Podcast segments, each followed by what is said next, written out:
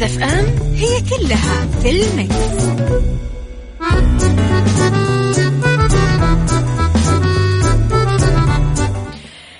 صباح الفل والورد والجمال والسعادة والرضا والمحبة والتوفيق والفلاح وكل شيء حلو يشبعكم تحياتي لكم وين ما كنتم يسعد لي صباحكم من وين ما كنتم. تسمعوني أرح فيكم. آه، في حلقتنا طبعا ثلاث ساعات جديدة ساعتنا الأولى. أخبار طريفة وغريبة من حول العالم جديد الفن والفنانين وآخر القرارات اللي صدرت. ساعتنا الثانية قضية رأي عام وضيوف مختصين. وطبعا ساعتنا الثالثة صحة وجمال وديكور. ومطبخ. على تردداتنا بكل مناطق المملكة تسمعونا على رابط البث المباشر تسمعونا وعلى تطبيق مكسف أم Android و iOS تسمعونا أكيد دايما. طبعا تقدرون تقولوا لي الحمد لله على السلامة لأني أنا أخذت اللقاح الحمد لله وإن شاء الله عقبالكم كلكم. اللي أخذ الحمد لله على السلامة واللي خلص الجرعتين نقول له ألف مبروك واللي لسه ما أخذ هذه الخطوة يسارع وياخذها. عاد أكسفورد فاير فايزر مو مو مو قضية اللي يكون لك أسهل وأسرع. خليك أقرب منه أبو عبد الملك. صباح الفل. الله يسعد صباحك بكل الخير يا رب. إذا رب الخير لا يأتي إلا بالخير وأمر المؤمن دوما كله خير. بعد شوي نبدأ حلقتنا. وإذا تدور على تمويل شخصي مالك إلا شركة النايفات للتمويل. واللي تقدر من خلالهم تاخذ تمويل نقدي فوري بدون تحويل راتب وبدون كفيل. تتوفر برامج التمويل الشخصي للأفراد بدون تحويل الراتب ولا الكفيل الشخصي. كمان عندهم برامج خاصة بتمويل المنشآت. والشركات الصغيرة والمتوسطة للاستفسار ولمزيد من المعلومات اتصل على تسعة اثنين صفرين ثلاثة ثلاثة ستة ستة ستة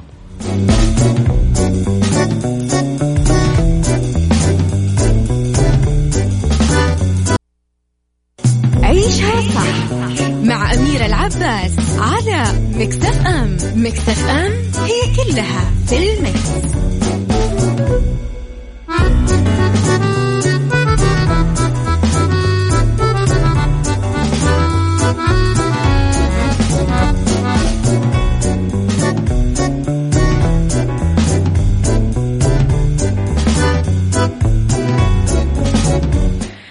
يا صباح الفل والهنا والسعادة والرضا وكل الأشياء الحلوة.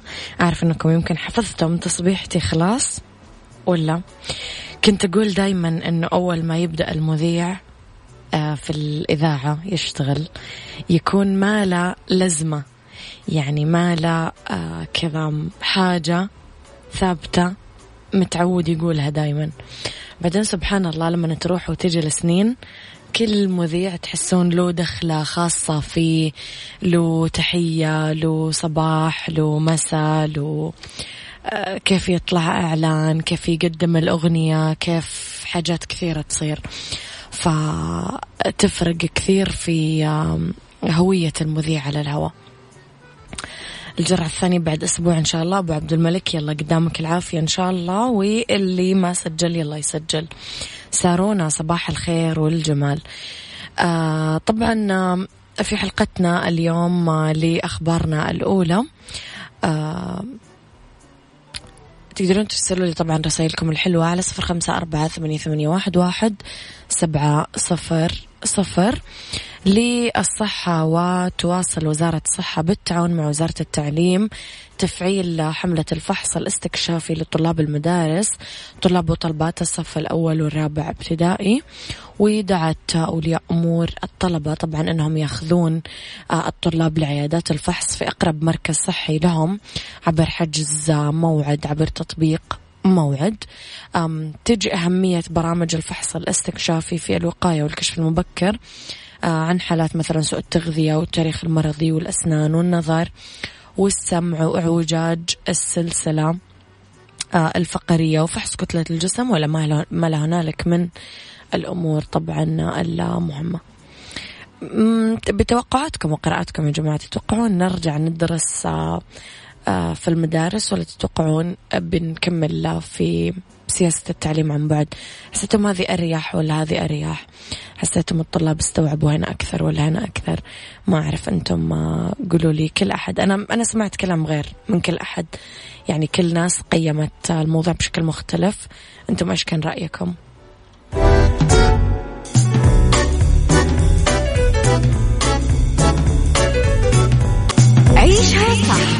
مع أميرة العباس على مكتف أم مكتف أم هي كلها في المكس.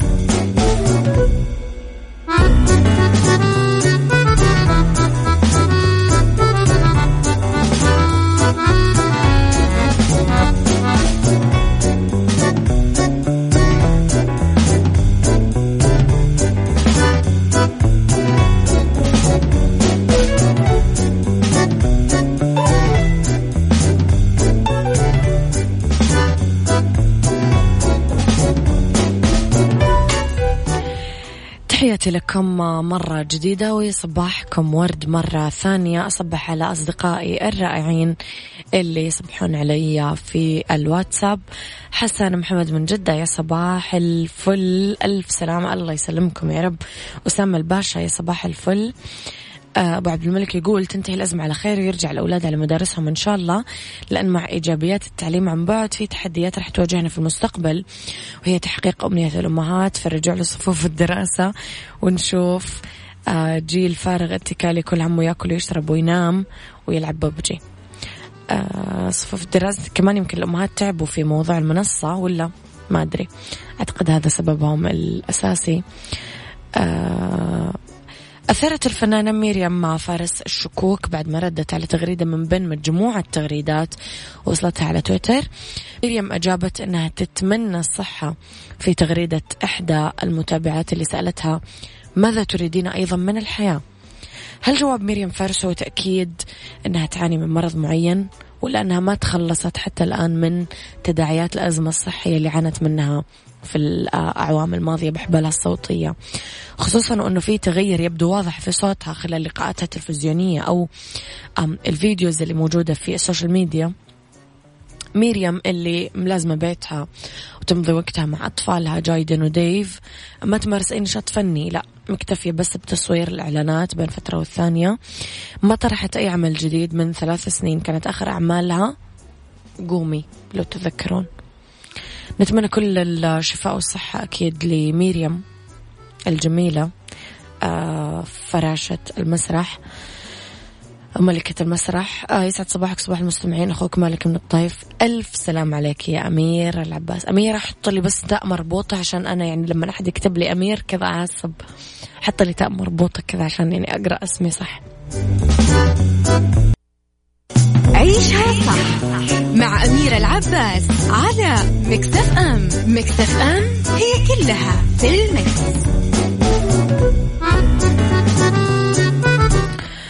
تحياتي لكم مرة جديدة وصباحكم فل مرة جديدة. حسن محمد من جدة صباح الفل. آه مو كثير فاهمة رسالتك يا عزيزي بس okay. أمضت نادلة في أحد المطاعم بولاية فلوريدا الأمريكية واحدة من أسعد ورديات الخدمة الأسبوع الماضي. تلقت بليلة واحدة إكراميتين واحدة بقيمة 1300 دولار والثانية 1500 دولار. وين ذا المطعم يا جماعة؟ قولوا لنا. قالت كامبريلي كامبرلي أنها كانت تؤدي عادي وردية عملها المسائية في, في واحد من المطاعم اللي تشتغل فيها قبل من ستة سنين. بعدين ذكرت وهي تتبادل أطراف الحديث مع أحد الزبائن أنها تخرجت من جامعة ولاية أوهايو. أضافت النادلة للصحيفة المحلية أنه الزبون ترك لها إكرامية 1300 دولار مع ملاحظة تفيد أنه البقشيش هو جزء من مبادرة من منتسبي جامعتين في ولاية أوهايو تقضي بتوزيع إكراميات بمبالغ كبيرة على العاملين بالمطاعم. تابعت فيليون هي أم منفصلة عن زوجها أنه حظها ما وقف عند هذه المفاجأة هذه الليلة. آه، بعد ما تكلمت بوقت لاحق مع أحد زبائنها الدائمين عند الإكرامية هو الثاني أعطاها 1500 دولار. يعني هو الموضوع مو بس حظ. يعني شك واضح انها تعرف تتكلم تعرف تسولف البنت. قالت كمان على صفحتها في فيسبوك إنها قسمت مبلغ الإكرامية من تلك الليلة السعيدة بين زملائها في العمل وقالت إنها ممتنة لكرم زبائنها في المطعم خاصة في ظل الأزمة اللي أجبرت العديد من العاملين على العمل لساعات أطول مع كسب أموال أقل. آه إيش ما كان الشغل؟ طبعا هو نجاة من الفقر وهروب آه، استغلال وقتنا بشيء صح دايما. وهو بعيدا عن كل هذا كرامة للإنسان.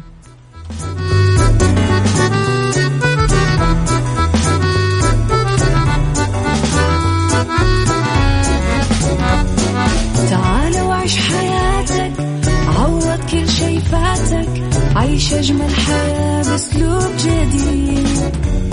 في دوامك أو في بيتك حتلاقي شي يفيدك وحياتك إيه راح تتغير أكيد.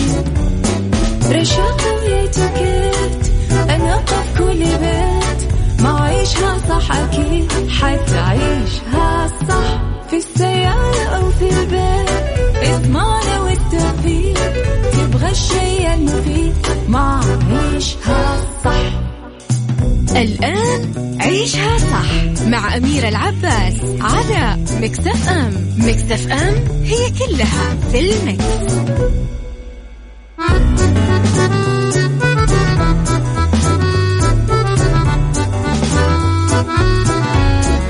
يا صباح الهنا وصباح الفل وصباح السعادة وصباح الجمال. تحياتي لكم مرة ثانية. وين ما كنتم. يا صباح الهنا يا غيث. وتحياتي لكم مرة ثانية. طيب في ساعتنا الثانية دايما اختلاف الرأي لا يفسد للود قضية لولا اختلاف الأذواق لبارة السلع. توضع دايما مواضيعنا على الطاولة. بعيوبها ومزاياها سلبياتها وإيجابياتها سيئاتها وحسناتها. تكونون أنتم الحكم الأول والأخير بالموضوع. بنهاية الحلقة نحاول أن نصل لحل العقدة ولمربط الفرس. مم. طول الوقت نعمل أو نفكر أو نتكلم أو نتابع عمليات التجميل. كنا نعملها ولا ما نعملها؟ نعمل جزء منها نطلع عليها نتابعها ننتقدها نأيدها إلى آخر. المهم هي موضوع شاغلنا يعني. أم الأهم من هذا حاجة الشخص لها بس مو هذا موضوع اليوم أبدا. اليوم أبغى أروح شوي على الروح والأخلاق وحياتي أنا وحياتك أنت وحياتنا إحنا. كيف أقدر أقوم بعمليات تجميل لها؟ بمعنى أوضح سؤالي لك بساعة اليوم. هل نقدر نعمل عمليات تجميلية لأرواحنا وحياتنا؟ أي جانب نستطيع تجميله وتحسينه. قل لي رأيك على صفر خمسة أربعة ثمانية, ثمانية واحد, واحد سبعة صفر صفر. عيشها صح مع أميرة العباس على مكتف أم مكتف أم هي كلها في المكس. تحياتي لكم مرة ثانية أرحب فيكم مرة جديدة. أبو عبد الملك هل نستطيع القيام بعمليات تجميلية لأرواحنا وحياتنا. يقول نقدر ونستطيع ليش لا؟ على الرغم أنه أغلب الحاجات تكون جميلة بطبيعتها. لا يا صديقي ليس كل الأشياء جميلة بطبيعتها.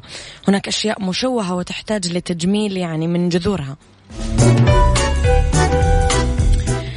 أي جانب نستطيع تجميله وتحسينه؟ الذوق العام الأخلاق والتعامل مع الناس نتعلم الذوق والاتيكيت نتعلم فن وأدب الحوار والإنصات. نتعلم ونمارس اللباقة واللطافة والمجاملة من غير تملق. نتعلم أن نقول لا عندما نحتاج أن نقولها ويصعب علينا قولها أو تعودنا على قول نعم. نبدأ يومنا بالتفاؤل وبتخيل أن اليوم هذا أجمل من البارح. نساعد ولا ننتظر مقابل. نعطي بكل صور العطاء ونغدق أحبابنا بالعطاء. غيث يقول الروح تحتاج لتجميل بالطبع. بعض الناس يظهرون جانب ليس متطابق لشخصيتهم كرمنا الخالق سبحانه وتعالى بأفضل خلق لنحافظ عليها. هم. العمليات الحقيقية اللي تبدأ بتجميل الشيء اللي جواك أنت أعماقك أنت وروحك أنت. تجميل وعيك الحقيقي اللي قاعد يحرك مشاعرك وأفكارك.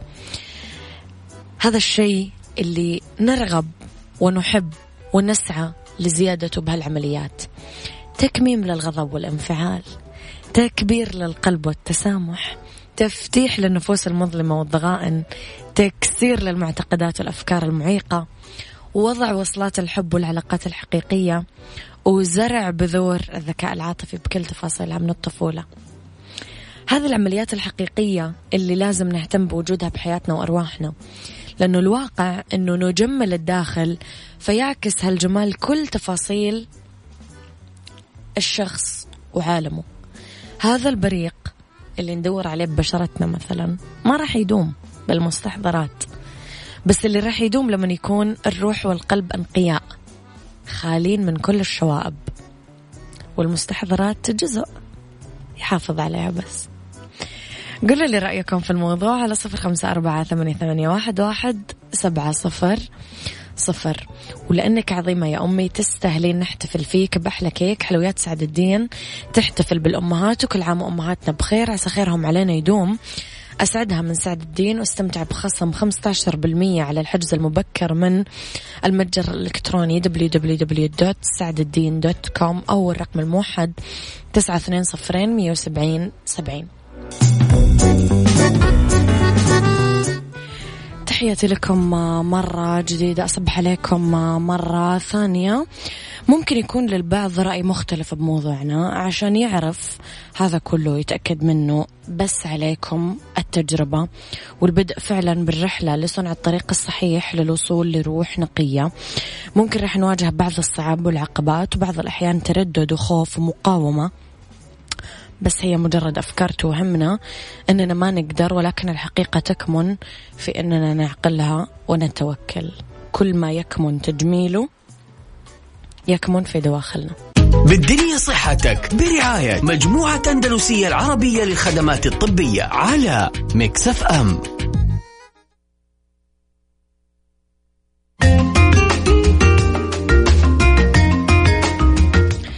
يا مساء الخير والهنا والسعادة والرضا والتوفيق والفلاح وكل شيء حلو يشبهكم تحياتي لكم وين ما كنتم من وين ما كنتم تسمعوني. ولما أمسي عليكم يوم الاثنين طبعا أنا أمسي عليكم بحلقة برعاية العيادات الجميلة عيادات أندلسية. واليوم كمان ضيفتي مميزة وعنوان حلقتنا أيضا جميل. دكتورة عروب سندي أخصائية تغذية علاجية. راح نتكلم اليوم أنا وياها عن التغذية التأسيسية. بس مو لكم لا راح نتكلم عن كتاكيتنا الحلوين الصغار والأطفال من عمر ست شهور إلى 12 شهر. مساء الخير يا دكتورة. أهلا مساء النور أهلا وسهلا. نرحب فيك على إذاعة مكسف أم. دكتور اليوم كيف تؤثر تأثر تغذية الأم خلال فترة الحمل على صحة الطفل. دائما نسمع الناس تقول للسيدة الحامل أنت مسؤولة عن روحين أنت قاعدة تغذين شخصين مو شخص واحد. إلخ إلخ ناس تقول إشاعات ناس تقول الكلام صح. صحح لنا المعلومة لو ممكن. أوكي. هو طبعا تغذية الأم فترة الحمل مرة مهمة وتأثر بشكل مرة كبير على حياة الطفل يا إما صحته أو كمان على صحة نعم. الطفل وعلى وزنه أول بداية حياته وكمان تأثر يعني في مستقبلا فطبعا آه، إحنا عندنا نوعين تغذية الأم لازم تكون كمية ونوعية نعم. آه نسمع إشاعة دائما يقول الأمهات كلي عن شخصين هذه نعم. معلومة يعني غلط آه غلط طبعا أيوه. آه هي الأم طبعا احتياجها يزيد في مرحلة معينة من الحمل حتى مو بداية يعني الأشهر آه يكون عندها يعني زيادة احتياج ما يقارب 500 أو أكثر 500 kilo calorie في اليوم نعم. آه طبعا هذا ما هو ما هو سبب إنه نحن نقول لها كلي عن اثنين بالعكس ممكن يكون يعني هذا يعطي bad effect على صحة الجنين. من الأشياء اللي الأم لازم تعتني فيها العناصر المهمة يعني عندنا الحديد عندنا البروتين. الدهون الصحية مرة مهمة في بداية الحمل لأنه الدهون عموما تبني عندنا الدماغ الجهاز العصبي فتأثر مرة بشكل جدا كبير على صحة الطفل والجنين. لو نتكلم شوية ما بعد فترة الحمل الطفل خلال عمر تحديدا ستة شهور هو موضوع حلقتنا اليوم. إيش أهمية تقديم الطعام للطفل تحديدا بهذا العمر؟ آه نحن بنقدم يعني المفروض إنه الأم تبدأ تقدم الطعام بعمر ست شهور. لما يكون الطفل آه عندنا criteria معينة يعني هو طبيعي مو إنه أول ما يكون ليلة ست شهور أو أول okay. يوم في الست شهور. خلال الفترة آه خلال الفترة بيكون عندنا signs معينة نعرف بها إنه الطفل كذا جاهز. آه يكون جهازه الهضمي جاهز مناعته جاهزة إنه نعم. لو دخل أي حاجة أو آه أي أي microbes من الأطعمة الجسم بيقدر يدافع عنها. آه غير كده إحنا يعني بداية بنقول على ستة شهور لأنه آه الطفل في هذه الفترة بيبدأ يتعرف على الأكل. مو مهم إنه نحن يعني آه ياخذ احتياجه كامل فقط من الأكل أو من الطعام يعني. قد ما إنه نحن هذه الفترة بنحاول إنه هو يكون exposed لأغلب الأطعمة المفيدة ويتعرف عليها. آه دي الفترة جدا مهمة لأنه الطفل إذا ما بدأ يتعرف على الأطعمة المفيدة وال يعني اللي يحتاجها جسمه في هذه الفترة ممكن ندخل في حالة بعد كده اسمها البيكي ايترز يكون طفل انتقائي. إذا ما تعرف ما يتقبل أي نوع من أنواع الاطعمه طيب دكتورة الأمهات يتحمسون كثير أول ما يبدأون يأكلون الطفل طعام سائل في البداية؟ آه كثير يتحمسون أنه متى أقدر أكله طعام صلب. أو طعام ناشف أو طعام قاسي شوية. فهذه المرحلة متى أوصل لها أوصل معاها للطفل أوصل مع الطفل لها؟ يعني هذه تكون بعد عمر ال 12 شهر اللي هي بعد بعد سنة. بالضبط. فإحنا حنبدأ بالأطعمة اللي هي المهروسة أو الخفيفة لأن لأن الطفل في هذه المرحلة أصلا لسه ما يعرف إيش هو الطعام وإحنا ما نعرف إذا الطفل حيتقبل أو لا. فصعب إنه نحن نديه طعام صلب في أول بداية الستة شهور. بحيث إنه يعني ممكن يعني يؤدي إلى عملية اختناق أو لا سمح الله يعني أي حاجة. الأمعاء لسه ما هي ما, هي ما تتقبل عملية الهضم يعني. فممكن هذا الشيء يكون بعد عمر السنة أو بعد 12 شهر. ذكرتي حضرتك إنه في بعض العلامات أقدر من خلالها أقيم حالة طفلي هو وين وصل. يمكن ما راح نمشي بالملي بعدد الأيام أو بعدد يعني بالضبط. خلاص اليوم صرت هذا. اذا أنت إيش العلامات اللي أعرف فيها انه طفلي صار جاهز يأكل أكل صلب؟ آه، okay. أول حاجة لازم يكون الطفل هو يقدر يجلس يعني جلوسه يكون بدون أي مساعدة من الأهل. okay. هذا أول شيء. ثاني حاجة يكون عندنا حاجة اسمها tongue reflex اللي هو الطفل أول ما بتحطي حاجة على فمه أو على لسانه يبدأ يعطيكي انطباعي. يعني okay. أيوه أو يدف الأكل أو كذا إحنا نعرف إنه هو كذا جاهز. آه غير كده طبعا آه هو بعد الستة شهور يبدأ الجهاز الهضمي طبعا يكتمل المناعة تبدأ يعني تكون أقوى زي ما ذكرت. فهذه هي العلامات اللي نحن نقدر يعني نقول okay الطفل هنا جاهز إنه نحن نبدأ نعطي له إنه أكل غير الحليب. أكل صلب. أنا وياك رح نطلع break ونرجع نكمل حوارنا مرة أخرى. بالدنيا صحتك برعاية مجموعة أندلسية العربية للخدمات الطبية على Mix FM.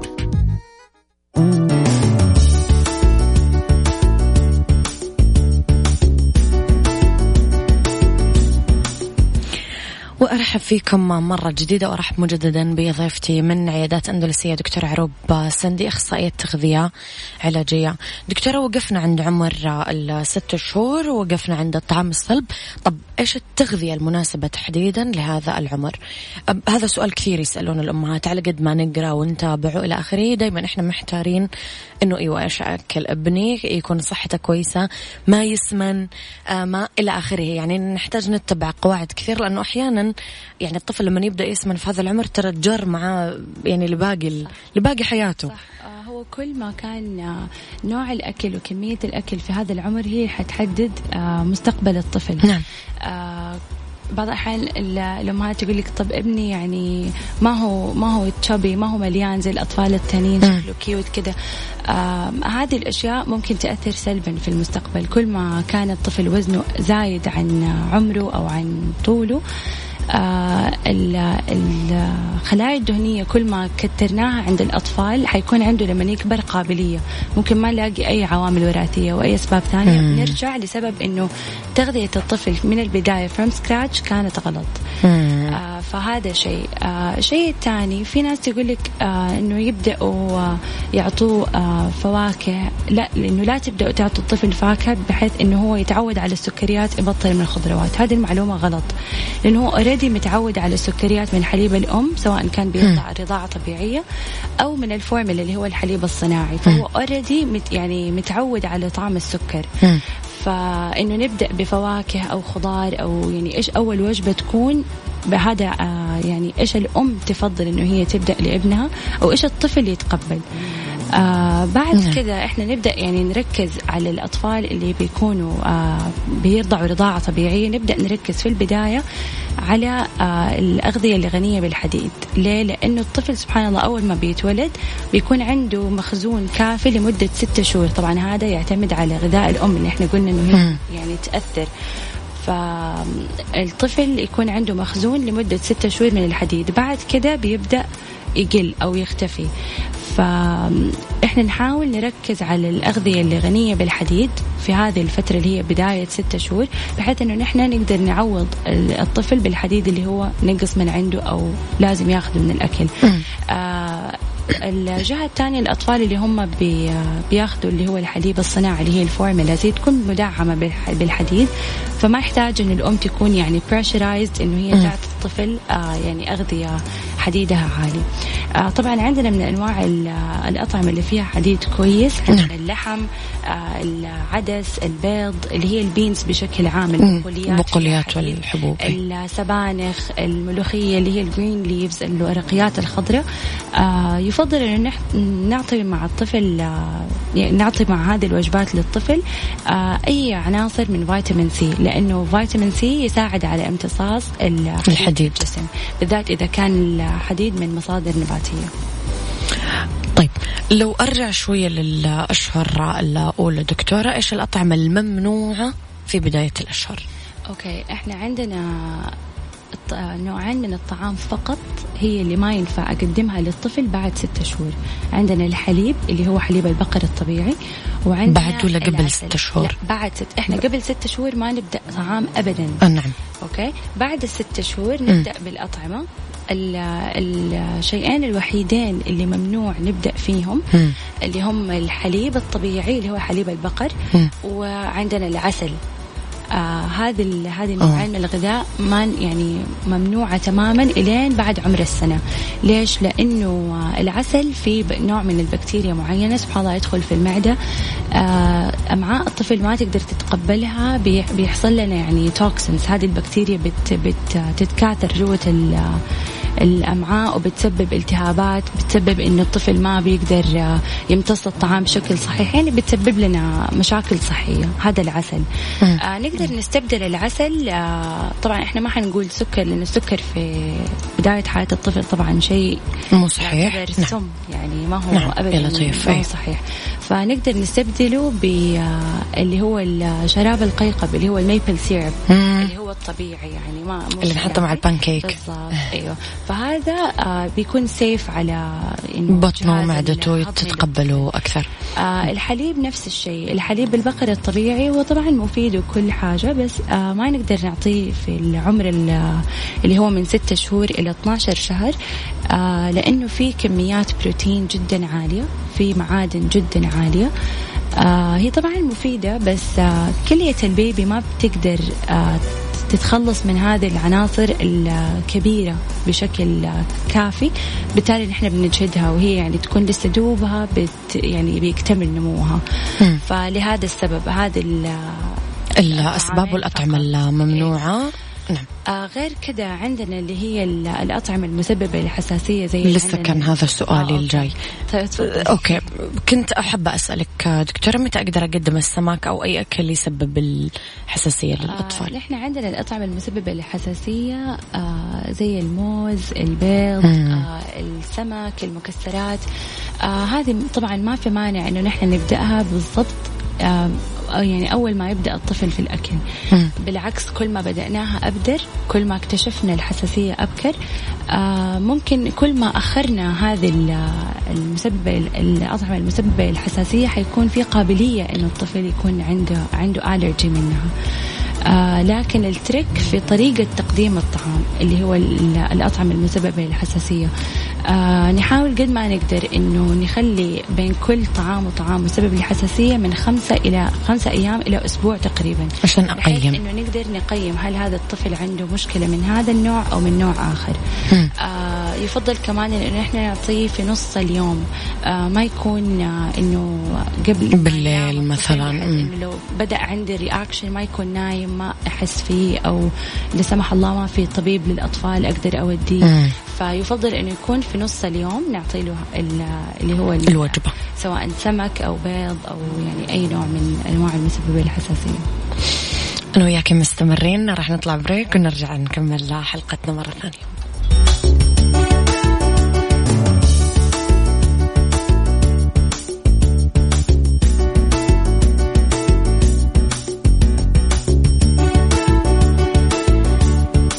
تحياتي لكم مرة جديد. جماعة ضيفتي مو بس موضوعها حلو هي كيوت كي رايقة وكيوتة والحلقة كذا لطيفة اليوم. دكتورة عروب أمسي عليك مرة ثانية. دكتورة كم وجبة يحتاج الطفل من عمر ستة شهور لسنة؟ يعني إحنا نلاقي الإكستريم يصير في الحالتين. يا وجبات أقل من المطلوب بكثير يا زي ما قلنا الطفل يس أنا ألاقي أطفال كثير في هذا العمر انتفخوا. لأنه الأم طول الوقت تأكل تأكل تأكل تأكل. فتصححي لنا المعلومة. آه هو حقيقة من عمر الستة شهور إلى تسعة شهور. آه نحن ما يعني ما نركز على يعني كمية الوجبات قد ما إنه نركز على إنه تكون واحدة وجبة في اليوم ياخذ الطفل فيها experience الأكل. وطريقة الأكل يتعرف فيها كيف يأكل آه كيف يمضغ يتذوق الطعام أيوة نعم. تكون ال techniques حقت الأكل يعني يعني تكون صحيحة في هذا السن. آه فوق التسعة شهور نبدأ أيوة إنه مثلا ندخل تكون وجبتين في اليوم أو ثلاثة وجبات في اليوم. آه غير كده لأنه الطفل كمان في عمر الست شهور أو من ستة شهور إلى تسعة شهور هو متعود إنه هو كل يوم بس بيشرب حليب. م. فصعب إنه نحن نبدأ فجأة ندخله ثلاثة وجبات في اليوم. يعني تكون وجبة واحدة في اليوم تقريبا من ثلاثة إلى أربع ملاعق أكل فقط يعني إحنا نعم. بس نبغاه يتعلم على الأكل آه ويفضل دائما إنها تكون بعد آه يعني بعد ما ياخذ آه وجبة الحليب حقته اللي نعم. هي مثلا يا اما حليب طبيعي أو حليب الفورميلاز فتكون تقريبا من 20 إلى 30 دقيقة بعد آه وجبة الحليب بحيث إنه ما يكون مرة جيعان ما يعني حيبدأ آه يتعصب على الأم وما حيتقبل أي حاجة. آه في نفس الوقت ما يكون مثلا وقت نومه يعني إحنا قد ما نقدر نختار الوقت الصح. نختارها في نص اليوم كذا ويكون الطفل مزاجه حلو. فعشان هو يتعلم خبرة الأكل فقط. آه، من يوم ما يبدأ يدخل سن التسعة شهور عشرة شهور هنا نبدأ أوكي نهتم إنه مثلا وجبتين ثلاثة وجبات. آه، بس برضو في نفس الوقت ما يعني ما ما نحاول إنه نحن نبعد في هذه الفترة عن وجبة الحليب عشان الطفل ما يبدأ يحس يعني بانكت إنه في حاجة غلط بتحصل أو هو مو متعود عليها. غيرتي له نظامه كامل. بالضبط. دكتورة ذكرتي إنه أول ما يبدأ الطفل ياكل قلت قلتي من ضمن الأشياء الممنوعة الحليب تماما. طيب بعد عمر السنة إيش نوع الحليب الأفضل تقديمه للطفل؟ هل حليب البقر ولا الفورمولا زي ما إحنا كنا ماشيين؟ آه طبعا هو ما نقدر نعمم هذا السؤال جدا عايم. جميل okay. يعني. آه ما نقدر نعمم إنه كل الأطفال نبدأ لهم حليب بقر أو كل الأطفال فورمولا. آه الشيء يعني الشيء يجي من الأم يعني هي إذا حاسة إنه ابنها آه قدر يغطي احتياجه من الأكل قدر آه ياخذ أغلب العناصر الغذائية من الأكل هنا ممكن إحنا شوية شوية نبدأ ننقل على الحليب الطبيعي آه اللي هو حليب البقر آه إذا الطفل لا ما بياخذ احتياجه من الأكل آه، ما بيقدر يعني يغطي أغلب الوجبات. نفضل على الفورمولا لأنه هي طبعا مدعمة فيها بروتينات فيها معادن فيها فيتامينات. فتعوض فتعوض النقص اللي ما. بياخذ الطفل. آه بعدين شيء ثاني الطفل في عمر الين عمر السنتين أي حاجة من آه، ال dairy product اللي هي منتجات الألبان أو الأجبان أو كذا يفضل إنها تكون فول فات لأنه الطفل في هذا العمر يحتاج أنه هو ياخذ كمية آه، دهون صحية بشكل جدا كبير. يعني المفروض أنه يكون من 30 ل 40% من سعراته الحرارية للطفل في هذا العمر اللي هو إلين سنتين تكون دهون. وطبعا دهون صحية طبعا يعني. آه لأنه زي ما ذكرت أول آه الطفل في هذا في هذا العمر وفي هذه المرحلة بيكون لسه عنده الجهاز العصبي في في طور نمو وبناء. ف